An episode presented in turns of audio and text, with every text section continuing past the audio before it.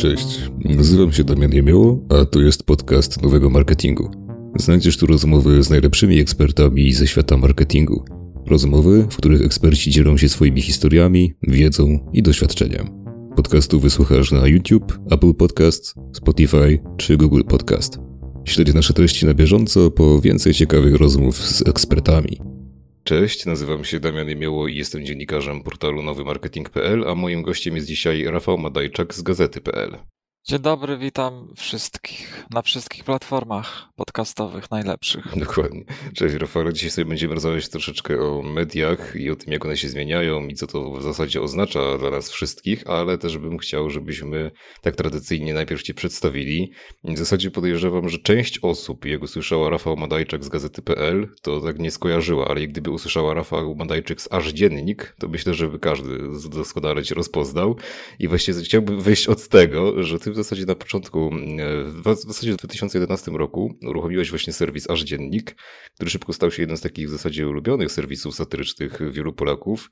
No i dzisiaj jest wręcz kultowy. I ciekawi mnie, jak to się do końca, jak to się w zasadzie zaczęło, jak to się narodziło i czemu też w 2014 roku wówczas postanowiłeś połączyć siły z grupą na temat? Bardzo dużo w moim życiu y, zawodowym dzieje się przez portale. Teraz pracuję w portalu. Wówczas też pracowałem w portalu, to było O2, gdzie nie ukrywam tego, przeszedłem bardzo życiową szkołę clickbaitu. Okay. I rzeczy, które tam robiliśmy, nie jestem z nich dumny, raczej tylko pokazuję też, e, mówię o tym i mówię do wszystkich e, media workerów i ludzi od clickbaitów na świecie, którzy nas słuchają. Słuchajcie, jest wyjście jest wyjście, nie całe życie musimy, musicie to robić. Pracowałem w serwisie wówczas, on chyba już nie istnieje, z Fora, to był w O2 taki z wiadomościami. Podawaliśmy tam informacje typu katastrofalne upały nadchodzą do Polski. Gwałtu, rety, chowajcie dzieci. Trochę wyostrzam, ale mniej więcej tak było. Wypadek awionetki. Dwie osoby nie żyją dopiero w artykule dawaliśmy informację, że to jest Argentyna no, mhm. i że, że awionetka nie leciała, tylko była ciągnięta na lawecie i że po prostu to był wypadek samochodowy. No nieważne, tego typu rzeczy. Trudno się dziwić, że mi to przestało, przestało odpowiadać. Musiałem jakoś to y, jakoś odreagowywać.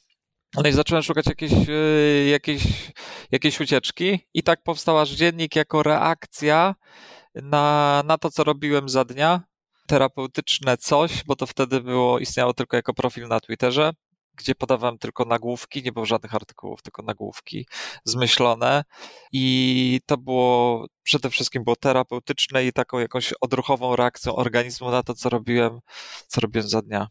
Więc tak to się stało. A że znałem już wtedy The Onion, byłem zafascynowany też tym, wstyd się przyznać, Jeremy Clarksonem, znaczy nie wstyd, ale no wtedy to był ktoś, powiem młodszym słuchaczom i słuchaczkom, że wtedy to był ktoś, to był y, Kuba Wojewódzki, tylko śmieszniejszy i jednak mniej żenujący i był po angielsku się wyrażał, więc to brzmiało wszystko 100 razy lepiej. A poszedłem do na temat dlatego, że to były też takie czasy, kiedy istniały blogi, Blogi to były takie, też dla młodszych słuchaczy, to były takie serwisy, gdzie każdy, y, osob, serwisy osobiste, gdzie każdy mógł pisać swoje przemyślenia, bardzo łatwo i za darmo można było to zakładać. Powiem ci, że chyba aż tak młodych słuchaczy nie mamy, żeby nie znali blogów.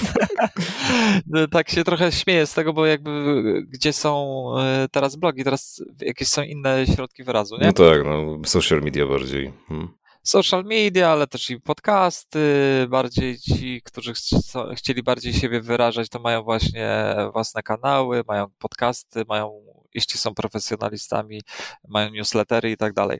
Wtedy były te blogi, ja uwierzyłem w ten sen i to, to kłamstwo, że można dużo zarobić pieniędzy na blogu i założyłem na WordPressie.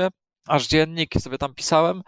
Y, zarobiłem przez całą tę działalność WordPressową 200 złotych do dzisiaj jestem wdzięczny wydawnictwu otwartemu z Krakowa za kupienie pierwszej i jedynej reklamy w tym serwisie. okay. Więc to, to, to było super. No ale wiecie, no, wiesz, no, nie miałem, dotarło do mnie, że bardzo brakuje mi know-how. Bardzo mi brakuje know-how. Mhm. Były jakieś rozmowy z jakimś inwestorem, który sam się zgłosił, już nawet nie pamiętam kto to był. Y, nic z tego nie wyszło No ale zdarzyło się na temat. Poszedłem tam pracować, bo po prostu chciałem zmienić pracę, z, z, wyjść, wyjść z O2. Poszedłem tam i od słowa do słowa z Tomaszem Machałą, no może zrobimy serwis. No i tak do tego doszło. Grupa na temat miała, ja sprzedałem tam dużo udziałów, bo 80%, mhm. ale uważam, że była to dobra transakcja, bo bez tego nie powstałby w ogóle aż dziennik, nie byłoby tego jakby rozdziału u mnie w karierze. No to prawda, w zasadzie aż dziennik istnieje do dzisiaj, tylko już jakby niezależnie od ciebie, bo ty w 2020 tak. roku przyszedłeś właśnie do gazety.pl. Yy, przepraszam, y, Zaczekaj, 20? Tak, 20, 20. tak. No. Razem z pandemią. Dokładnie. I w, I w zasadzie tam, został, tam zacząłeś pełnić funkcję dyrektora kreatywnego. Mnie ciekawi właśnie, jak twoje wrażenia po tych dwóch latach i co ci się udało przez ten stosunkowo krótki okres osiągnąć. Dodatkowo jeszcze myślę skrócony stricte przez pandemię, no bo jeśli no jakby pracujesz w mediach, tak jak ja pracuję w mediach i my dziennikarze i osoby ogólnie tutaj dookoła mediów doskonale wiemy, jak wyglądały te początki pandemii też w mediach, gdzie w zasadzie jedynym tematem tylko i wyłącznie był koronawirus i w zasadzie nic innego się tak. nie działo, więc też no ciężki to był czas w sumie. Tak, ciężki, ciężki czas, ale to też jest w czasach kryzysów, jeśli chodzi o media, ale w ogóle wszystkich nas to jest taka próba, y, czasy kryzysu, no, próba z y, jakby, no, do czego jesteśmy zdolni jako organizacja, jak sobie poradzimy, jak, jak bardzo jesteśmy elastyczni, jak potrafimy reagować na szaleńczo zmieniającą się rzeczywistość, nie?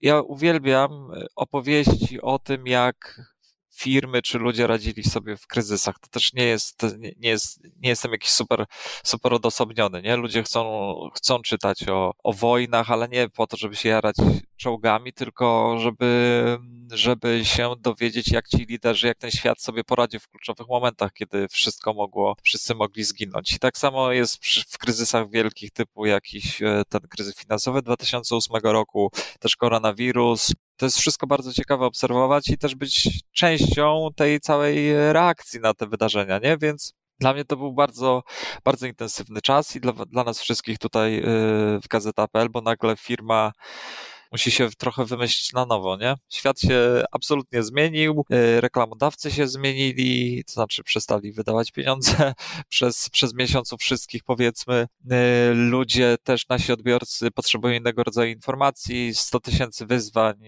czy nie dokładamy się do strachu, czy robimy, y, robimy dobre media i tak dalej, i tak dalej. Więc to było no, fascynujący, straszny, ale fascynujący czas. A poza tym, no ja, gdyby nie Teamsy, to ja bym tak szybko nie poznał ludzi, nie? Mhm. Ja mam fatalną, fatalną pamięć do imion i nazwisk, a na Teamsach wszyscy są podpisani, więc to mi bardzo... No to to pomaga zdecydowanie. bardzo pomogło.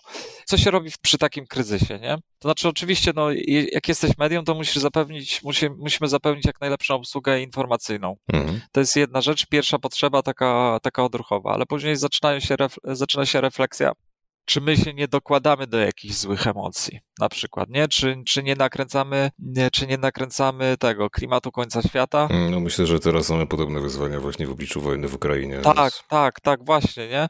I czy my tutaj jesteśmy jakimś siewcą, siewcą paniki, czy też próbujemy jakoś e, pomóc naszym odbiorcom i sobie. I e, z, z tego myślenia zrodziła się pierwsza duża pandemiczna w ogóle akcja mediów, którą my zrobiliśmy w pandemii. To się nazywało Gdy to się skończy. Mhm. Postanowiliśmy wybiec w przyszłość. Jak się okazało, ta przyszłość była za dwa lata, ale my to zrobiliśmy w kwietniu pandemia uderzyła nas y, w marcu, a my w kwietniu wyszliśmy z, taką akcją, którą zrobili nasi odbiorcy, którą zrobiliśmy z odbiorcami. To znaczy rzuciliśmy hasło, co zrobisz, gdy to się skończy. Gdy to, czyli pandemia, czyli ten kryzys, nie?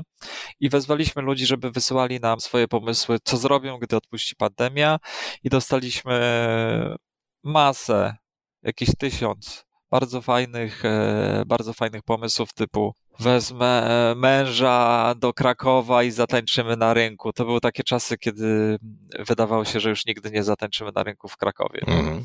Albo y, pojadę do swojej córki i pierwszy raz przytulę wnuczkę, nie? Takie rzeczy były i były też, były też takie, takie bardziej odpałowe, to znaczy takie mniej dramatyczne rzeczy, że pójdę do kina na cały dzień i obejrzę wszystkie filmy, będę miał wszystko gdzieś, nie? Gdy okay. to się skończy.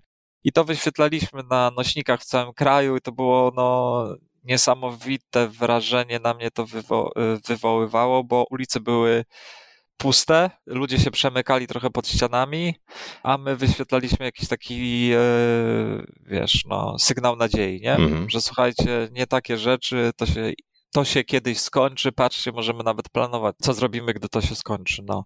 No i od tego się zaczęło. Ten e, nasz dział, w którym jestem teraz, to jest dział rozwoju marki, no ma, ma generować takie jakieś takie łączące aktywizm i media akcje. Mhm. Najnowsza rzecz to jest taka, że zdobyliśmy wraz z naszymi przyjaciółmi z, z, z Ukrainy, dziennikarzami, dziennikarkami z Ekspresu, yy, znaczki, te najsłynniejsze znaczki świata z, z tym, z rosyjskim tym krążownikiem Moskwa i ukraińskim żołnierzem, który pokazuje mu faka.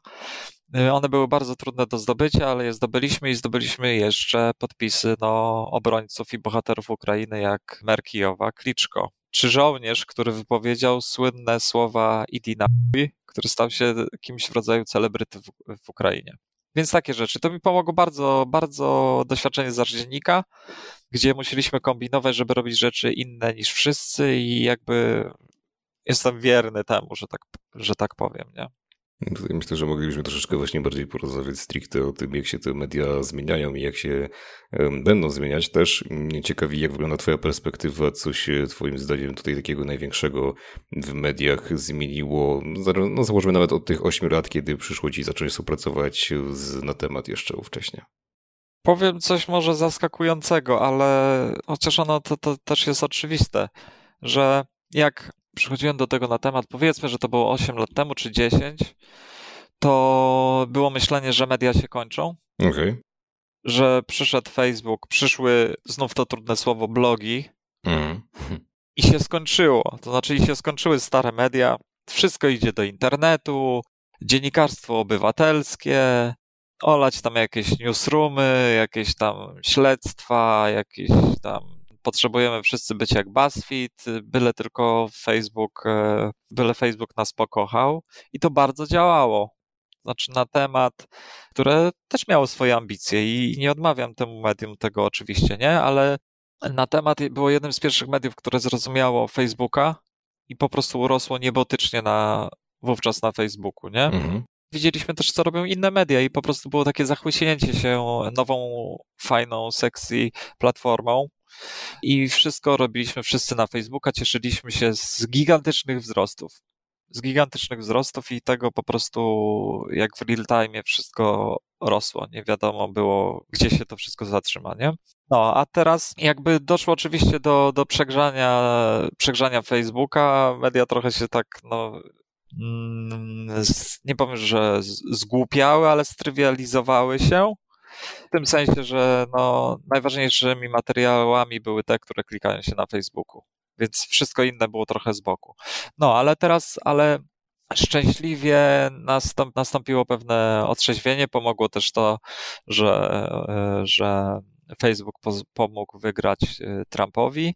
I no teraz jest, kurczę, świetny czas dla mediów, w tym sensie, że no już jak mówisz, że media potrzebują więcej jakości, to już yy, ludzie i, i, ty sam nie pukasz się w czoło sam przed sobą. Okay. Nie nazwę tego jeszcze renesansem, ale jest zmiana, zmiana takiego, zmiana aspiracji w mediach. Już nie największe zasięgi na Facebooku, ale tak, wzrosty robi, y, oczywiście robimy SEO, bo robimy pod Google, robimy pod Facebooka, ale potrze- bardzo mocno potrzebujemy jakości.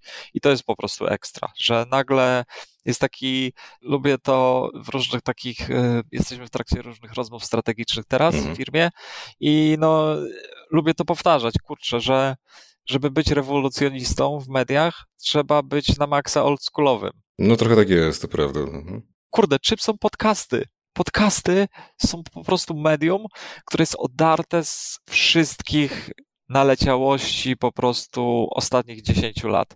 Nie ma clickbaitów, nie ma inwazyjnych reklam, nie ma pogoni za sensacją. Najczęściej jest po prostu dwóch ludzi, którzy rozmawiają i, no. mhm. i co najmniej jeden z nich zna się na, na tym, co mówi, a jak mam szczęście, tak jak teraz, dwóch jest takich, dwie takie osoby. To jest, to jest po prostu szokujące. Tak, no to w zasadzie kilkanaście, kilkadziesiąt minut przynajmniej takiego faktycznie wypełnienia tylko i wyłącznie treścią. Nie? Ten wybuch podcastów, oczywiście yy, liczby jeszcze nie są jakieś pewnie gigantyczne, nie? Ale w Polsce może jeszcze nie, ale no, chociażby po Stanach Zjednoczonych to tam. Oczywiście. No, ale wiesz, jedno z przykazań po prostu internetu. Ludzie poświęcają newsowi 7 kurde sekund, czy 6, czy 5, czy obojętnie co tam jest ostatnio zmierzone, nie?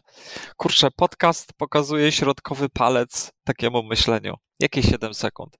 Gdyby tak myśleć, to że wszystkie rozmowy miałyby po 3 minuty, nie? No to prawda. Są godzinne, półgodzinne, nikt nawet nie liczy czasu, no. To jest, to jest kapitalne. Po prostu możemy usiąść, wyrwać się z tego całego pędu za klikiem, nieważne jak zdobytym. Mhm. I razem my, jako powiedzmy twórcy, jak i odbiorcy, mogą kurczę na moment wypiąć się z tego, z tego roller coastera, nie? Z tego Luna Parku, gdzie jest miliard, miliard atrakcji, wszyscy ci chcą coś sprzedać i gdzie nie spojrzysz, to, gdzie nie spojrzysz, to jest bardziej kolorowo i bardziej głośno, nie? A podcast to jest takie, kurczę, takie kurczę, takie uzdrowisko, takie spa, takie po prostu strefa chilloutu. A nie uważasz, że właśnie paradoksalnie, zresztą tutaj powiedziałeś o tym, że jak przychodziłeś gdzieś do, do, do, grupy na temat, to było takie hasło się pojawiało, że media faktycznie są na wyginięciu i gdzieś no, internet po prostu zacznie przejmować faktycznie te piecze, ale nie uważasz, że też paradoksalnie to troszeczkę się jeszcze dodatkowo ta konkurencyjność właśnie tutaj zwiększyła? No bo wiesz, te kilkanaście, kilkadziesiąt lat temu media faktycznie konkurowały w dużej mierze tylko ze sobą, w sensie gazety, telewizja, radio.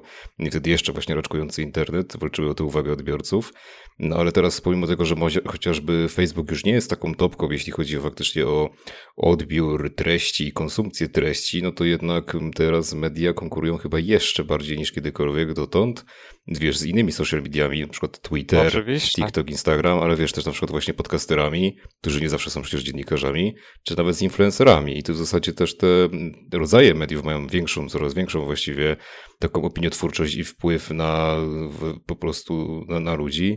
I nieraz są też w takim zasadzie głównym źródłem czerpania wiedzy, więc też jak w swoim zdaniem wygląda ta perspektywa, że to też nie będzie się paradoksalnie jeszcze zwiększać.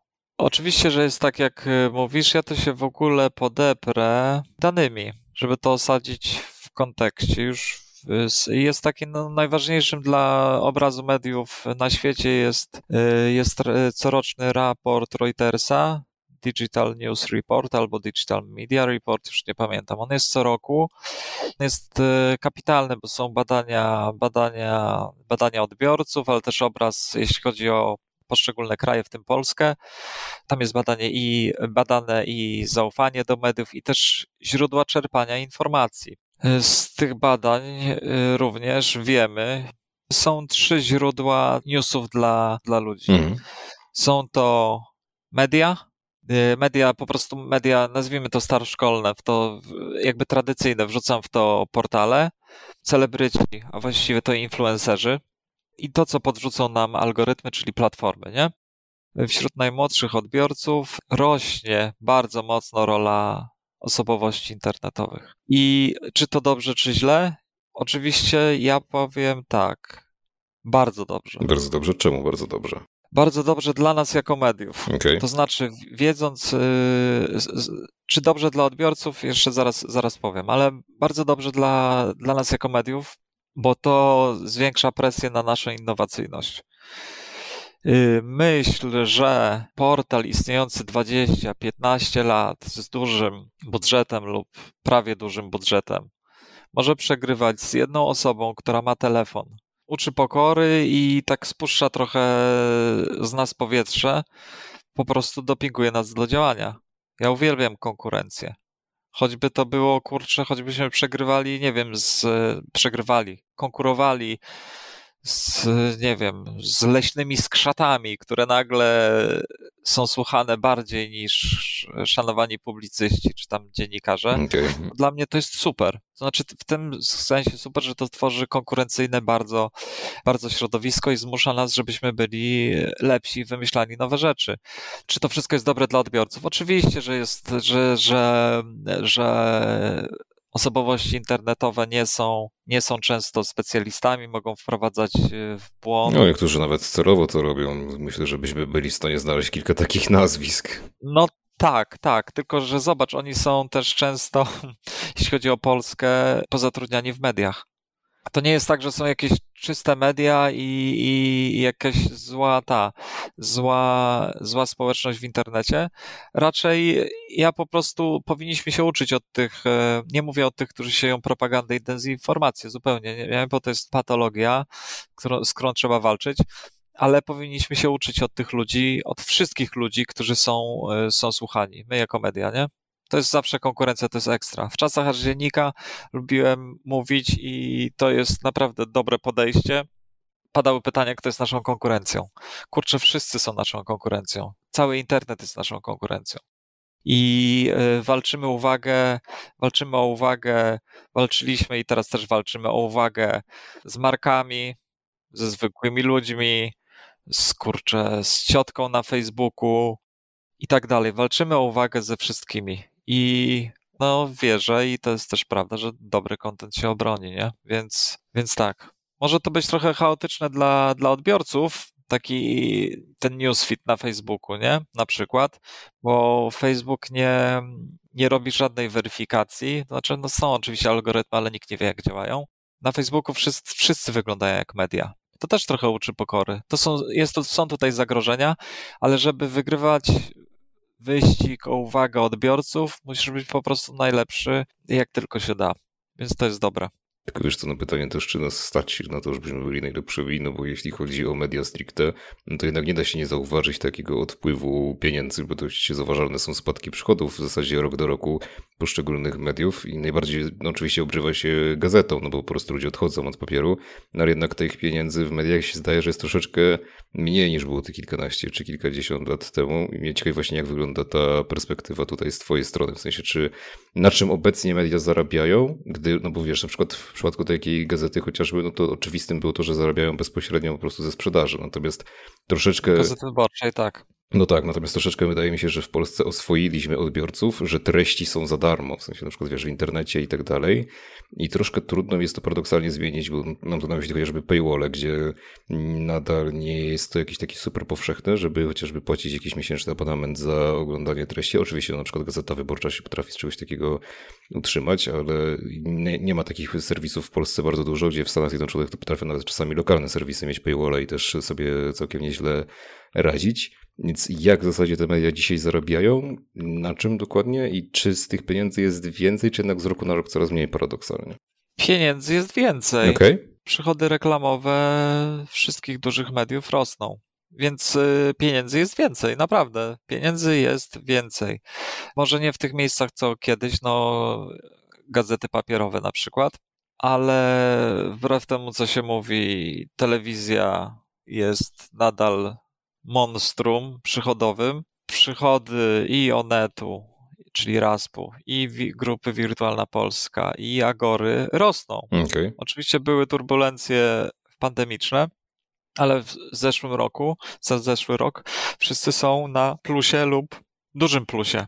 Jak zarabia taki portal na przykład jak yy, Gazeta.pl? Gazeta.pl zarabia, zarabia, no jako że ma, yy, jest darmowa dla dla odbiorców zarabia, zarabia z reklam. Zarabiał z reklam i to jest, yy, oczywiście są różne, różne nogi w tych naszych przychodach reklamowych, od reklamy bezpośredniej, przez yy, programatyczną, przez yy, jakiś marketplace, y, e-commerce'owy, jak Avanti24. No ale wiesz, jednocześnie mówi się o tym, że na przykład w Polsce z roku na rok coraz więcej osób ma adblocka i to też jakby częściowo blokuje przez to reklamy. Znaczy ja domyślam się, że też konsumpcja z komórek jest troszeczkę większa i tam blokowanie reklam jest nieco trudniejsze dla przeciętnego odbiorcy, ale też jest nadal gdzieś tam możliwe. E, oczywiście, ale mówię, rosną przychody. Okay. A adblocki oczywiście święte prawo, święte prawo odbiorców. Ja to też, też mam takie podejście, że jeśli ktoś zakłada adblocka, to nie dlatego, że chce śmierci mediów, tylko po prostu trafia na irytujące reklamy. Więc reklamy powinny być mniej irytujące. To też prawda. Mhm. Prosty tutaj jest przekaz. Więc pieniądze w mediach, e, pieniądze w mediach są. Media się nie kończą, nie. No to tutaj, jak już rozmawiamy o pieniądzach i też przy okazji wcześniej poruszaliśmy troszeczkę temat big techów, social mediów, to mnie ciekawi, jak wygląda twoje podejście. Czy uważasz, że to jest też e, po prostu słuszny kierunek, taki jak na przykład kiedyś obrała Australia, to znaczy chciała, żeby gdzieś te big techy, Facebook, Google się bardziej dzieliły swoimi zyskami po prostu z mediami, no bo o ile taki Google jeszcze gdzieś tam faktycznie z tym zyskiem z reklam wyświetlanych na stronach mediów się po prostu udzieli, to w przypadku Facebooka jest troszeczkę odwrotna sytuacja i to bardziej my mu płacimy niż, niż oni e, mediom. I w zasadzie właśnie zastanawiam mnie, jak to postrzegasz też właśnie ze względu na to, że te faktycznie te przychody mogą rosnąć, ale tak jak tutaj wspominasz, w dużych mediach, natomiast w takich mediach chociażby lokalnych, jakichś takich serwisach informacyjnych, po prostu miejskich, powiatowych, y, czy cokolwiek takiego, czy nawet o zasięgu wojewódzkim, no to w zasadzie jest troszeczkę odwrotna sytuacja. Znaczy, bardziej się ludzie gdzieś tutaj konsolidują w obszarze tych dużych mediów, natomiast w przypadku tych mniejszych jest troszeczkę tak, że nieco odchodzą od nich. I pytanie, czy to też nie spowoduje, że po prostu właśnie ta duża konkurencyjność o uwagę odbiorców, plus jeszcze właśnie kwestia big techów, sprawi, że gdzieś nam wykosi to takie lokalne dziennikarstwo, które w zasadzie jest, y, jak to nawet sam kiedyś Google określił, w zasadzie to jest takim, taką podstawą w ogóle demokratycznego społeczeństwa. Zgadzam się, że to jest y, podstawa i to jest y, taka infrastruktura, o której jakoś wszyscy powinni dbać. Niestety, niestety nie znam specyfiki mediów lokalnych. Okay. Nie, nie mogę tutaj za bardzo, za bardzo spekulować. Wiem, że są te programy, one oczywiście są jak taki listek figowy, nie? programy Google'a czy, czy Facebooka wspierające lokalne, lokalne dziennikarstwo. No Google robi chociażby coś takiego, co się nazywa Lokalsi 4.0 i tam zazwyczaj po prostu szkoli czy z dziennikarzy z kompetencji cyfrowych natomiast Facebook no to trochę gorzej z tym. Facebook w czasach pandemii przyznawał faktycznie granty dofinansowania po prostu dla mediów lokalnych. Tam to było chyba kilkadziesiąt do kilkuset tysięcy euro, ale prawda jest taka, że mało mediów w ogóle o tym wiedziało i w zasadzie nie było wiele wniosków też. Jasne, więc e, no kurczę, nie znam tego rynku.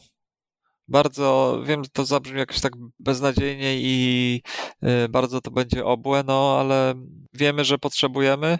Ja nie wiem, jak miałbym takie medium e, robić. Więc nie, nie mam tu żadnego, żadnego doświadczenia. Nie wiem, jakie są lokalne potrzeby. Zawsze pracowałem w takich ogólnopolskich mediach lub takich niszowych jak, jak aż dziennik. Niestety nie wiem, ale jeśli chodzi o platformy, tutaj jest ten, no, liczymy na Unię Europejską. W tym sensie, no, jeśli ktoś może to zmienić, to na poziomie re regulacji, regulacji unijnych. Trudno, trudno sobie wyobrazić, żeby w Stanach coś się miało zmienić, gdzie, gdzie po prostu duży może więcej, a właściwie może wszystko, nie? Więc, ale jeśli ma się coś zmienić i, i lokalne media mają liczyć na jakiekolwiek zwiększenie przychodów i większy udział w jakimś torcie przychodowym z platform, to tylko na gruncie no, regulacji unijnych. Tak zgaduję. Okay, a jak wygląda w takim razie ta perspektywa takich dużych mediów w stosunku właśnie do tego typu platform, do big techów? Znaczy, jakie są te relacje? Czy są też takie nastroje troszeczkę podobne, zbliżone do tych mediów lokalnych, że po prostu oni jakby nam zabierają jakiś kawałek tortu i niekoniecznie się nim dzielą? Czy też może jednak ta współpraca jest tutaj trochę inaczej rozumiana i faktycznie gdzieś te duże media są też bardziej tak przystosowane do tego, żeby zwyczajnie w świecie trochę lepiej współpracować z takimi algorytmami, czy to social mediów, czy po prostu nawet Google'a, ze względu na gdzieś tam bardziej rozwinięte te kompetencje cyfrowe. Tutaj chociażby pije do legendarnego już SEO. Nie mam tu na myśli oczywiście artykułów w stylu niedziela handlowa, kiedy jest, kiedy jej nie ma, bo to są takie jak czasami niektóre duże media masowo produkują. To się chyba zgodzimy, że to jest słabe bardzo, ale tak po prostu na takim poziomie faktycznie merytorycznym i, i racjonalnym, jeśli chodzi o gdzieś to, nazwijmy to w cudzysłowie, dozowanie SEO do artykułów. Jeśli chodzi o relacje z e, platformami, to jest oczywiście e, love-hate relationship. No. Znaczy, platformy uważają, że media są niewdzięczne, bo bo przecież wzrastają dzięki platformom. Upraszczam bardzo i nie mówię, które platformy. Z kolei y, media uważają, że platformy są niewdzięczne, bo wzrastają dzięki. Tak, to co prawda. Więc, więc to jest takie pewne przyciąganie liny. Jako oczywiście, jako pracownik mediów powiedziałbym, że tak, potrzebujemy większego udziału w tym torcie, bo będziemy mieli więcej pieniędzy, bo będziemy robić lepsze medium, bo będziemy lepiej obsługiwać potrzeby, potrzeby odbiorców i lepiej tłumaczyć świat. Jako pracownik Facebooka powiedziałbym, że to my potrzebujemy więcej tego tortu i mamy, oczywiście, mhm. żeby budować platformę i poszerzać dostęp całego światu do internetu i tak dalej. Nie? To, to jest po prostu przeciąganie linii. Oczywiście platformy jako wyłączone z jakiejkolwiek kontroli rządów, instytucji międzynarodowych y, organizmy są problemem. W sensie jeden kaprys y, Marka Zuckerberga może wpłynąć na, na rynek mediów i w ogóle na społeczności w całym świecie. Mm. Więc ja osobiście, nie tylko jako pracownik mediów, popieram zwiększenie regulacji i kontroli nad platformami, które dysponują budżetami przekraczającymi budżety państw i są rządzone przez y, mniej lub bardziej ekscentrycznych Piotrusiów panów. Patrzmy na, e, nie tylko na Ilona Maska, ale też no, na Zuckerberga, który stworzył Facebooka po to, żeby, e, żeby móc y, klasyfikować dziewczyny na kampusie, która jest no ładna, która fajna, jest, no, która tak, nie... no to prawda, tak, w sensie też tak. tam o Marku Zuckerbergu dużo, dużo się ciekawych informacji dowiadywaliśmy z czasem. Tak, i myślę, że to myślenie jakoś nadal gdzieś tam, gdzieś w DNA tej firmy, gdzieś tam w pierwszych linijkach kodu jest. Ale wiesz co, tutaj wspominasz o tym wpływie właśnie mediów społecznościowych. Mnie ciekawi w takim razie, jak te media tradycyjne wywierają wpływ, bo ja pamiętam, że z tobą był kiedyś taki wywiad właśnie na temat, tu był 2017 rok, czy już 5 lat minęło, i wtedy powiedziałeś, że żadna gazeta ani portal internetowy nie są w stanie spowodować, by ludzie poparli jakąś partię lub przestali to robić. I ciekawi mi, czy to podtrzymujesz i jeśli tak, to jakim twoim zdaniem jest właśnie ten wpływ na mediów na odbiorców? Czy to w obszarze polityki, czy biznesów, czy w ogóle czegokolwiek? Czy my w zasadzie tak to dziennikarstwo uprawiamy dla tworzenia treści po prostu tak o, czy jakby te treści faktycznie wywierają jakiś wpływ na naszych odbiorców i my to robimy, no mamy w tym jakby jakąś tutaj konkretnie, za, za, znaczy za tą naszą misją stoją jakieś konkretnie realne wyniki. My wpływamy na rzeczywistość, ale nie tak jak nam się wydaje. Hmm. W sensie my to trochę jak w tych memach, nie? Co, co mi się wydaje, że robię, co moja rodzina myśli, że robię i co faktycznie robię, nie? Wpływamy na, na rzeczywistość, opisując ją.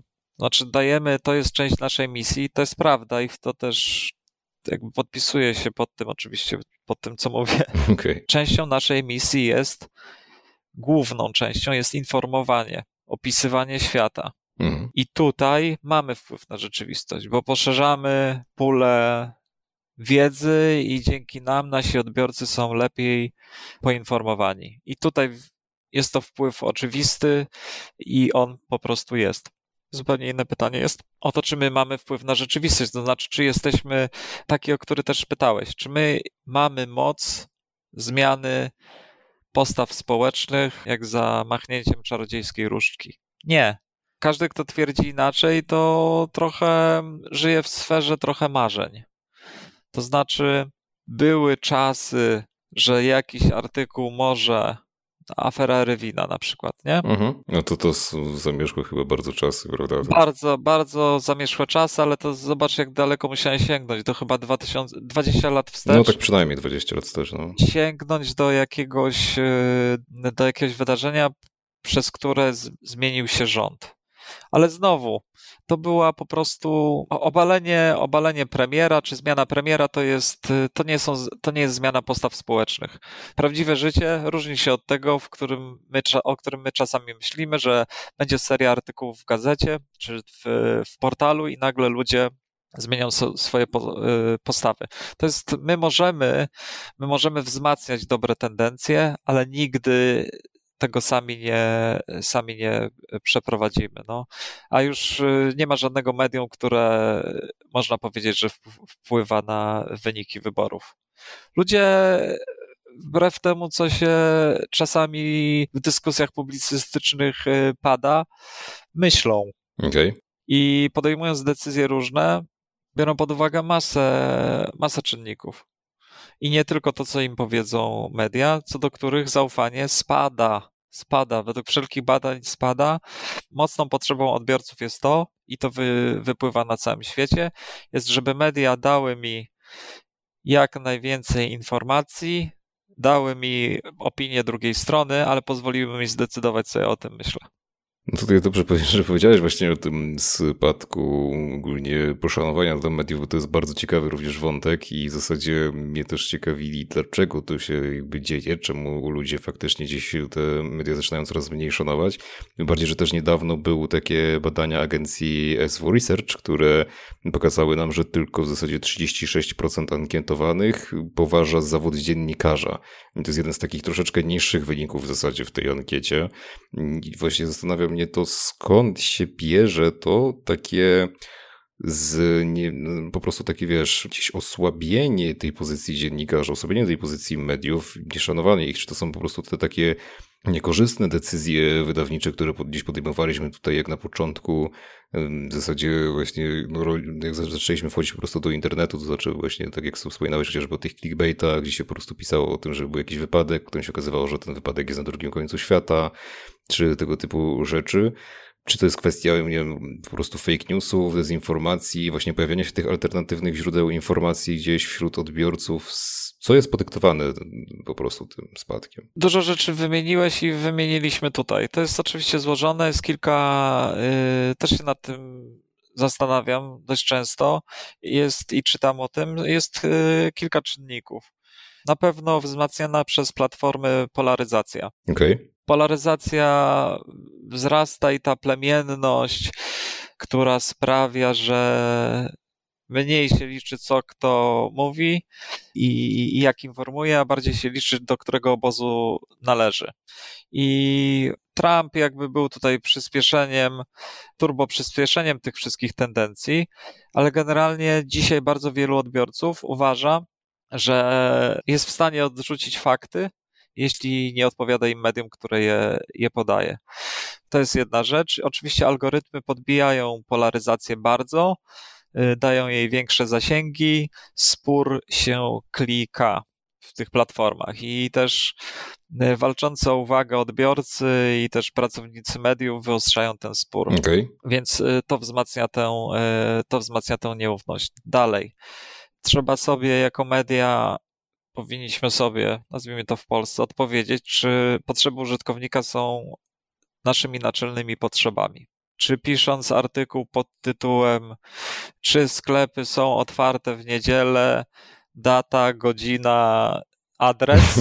Jeszcze konkretna nazwa sklepu, nie wiem, na przykład żabka, biedronka, whatever i później powtarzanie tych fraz w trakcie, w, w, w, tym tekście po pięć razy. Czy to jest działanie na, na rzecz dobra naszego odbiorcy, czy nie? Więc myślę, że dużo takiego, dużo takich info śmieci, można powiedzieć, które krążą w internecie, markowanych przez uznane media czasami też. No, to prawda. Również wpływa na ten e, spadek, spadek zaufania. Do tego jeszcze jest jest jeszcze kwestia tych influencerów i osobowości internetowych, które mają y, większą wiarygodność i autentyczność niż, niż stare media. Dużo jest tych czynników. No i tyle, no. Nie dziwi mnie, że spada zaufanie do mediów. Co my powinniśmy robić? Postawić znowu, znowu czytelnika w centrum, nie robić go czy jej y, w balona, z drugiej strony chyba trochę się wycofać, jeśli chodzi o mówienie, co ludzie mają myśleć. I po prostu ważne jest, żebyśmy dopodmiotowili naszego odbiorcę. Znaczy robili media dla niego bardziej niż dla reklamodawców, niż reklamodawców i uznali, że, że, że jest to istota bardziej myśląca niż do tej pory się e, wydawało.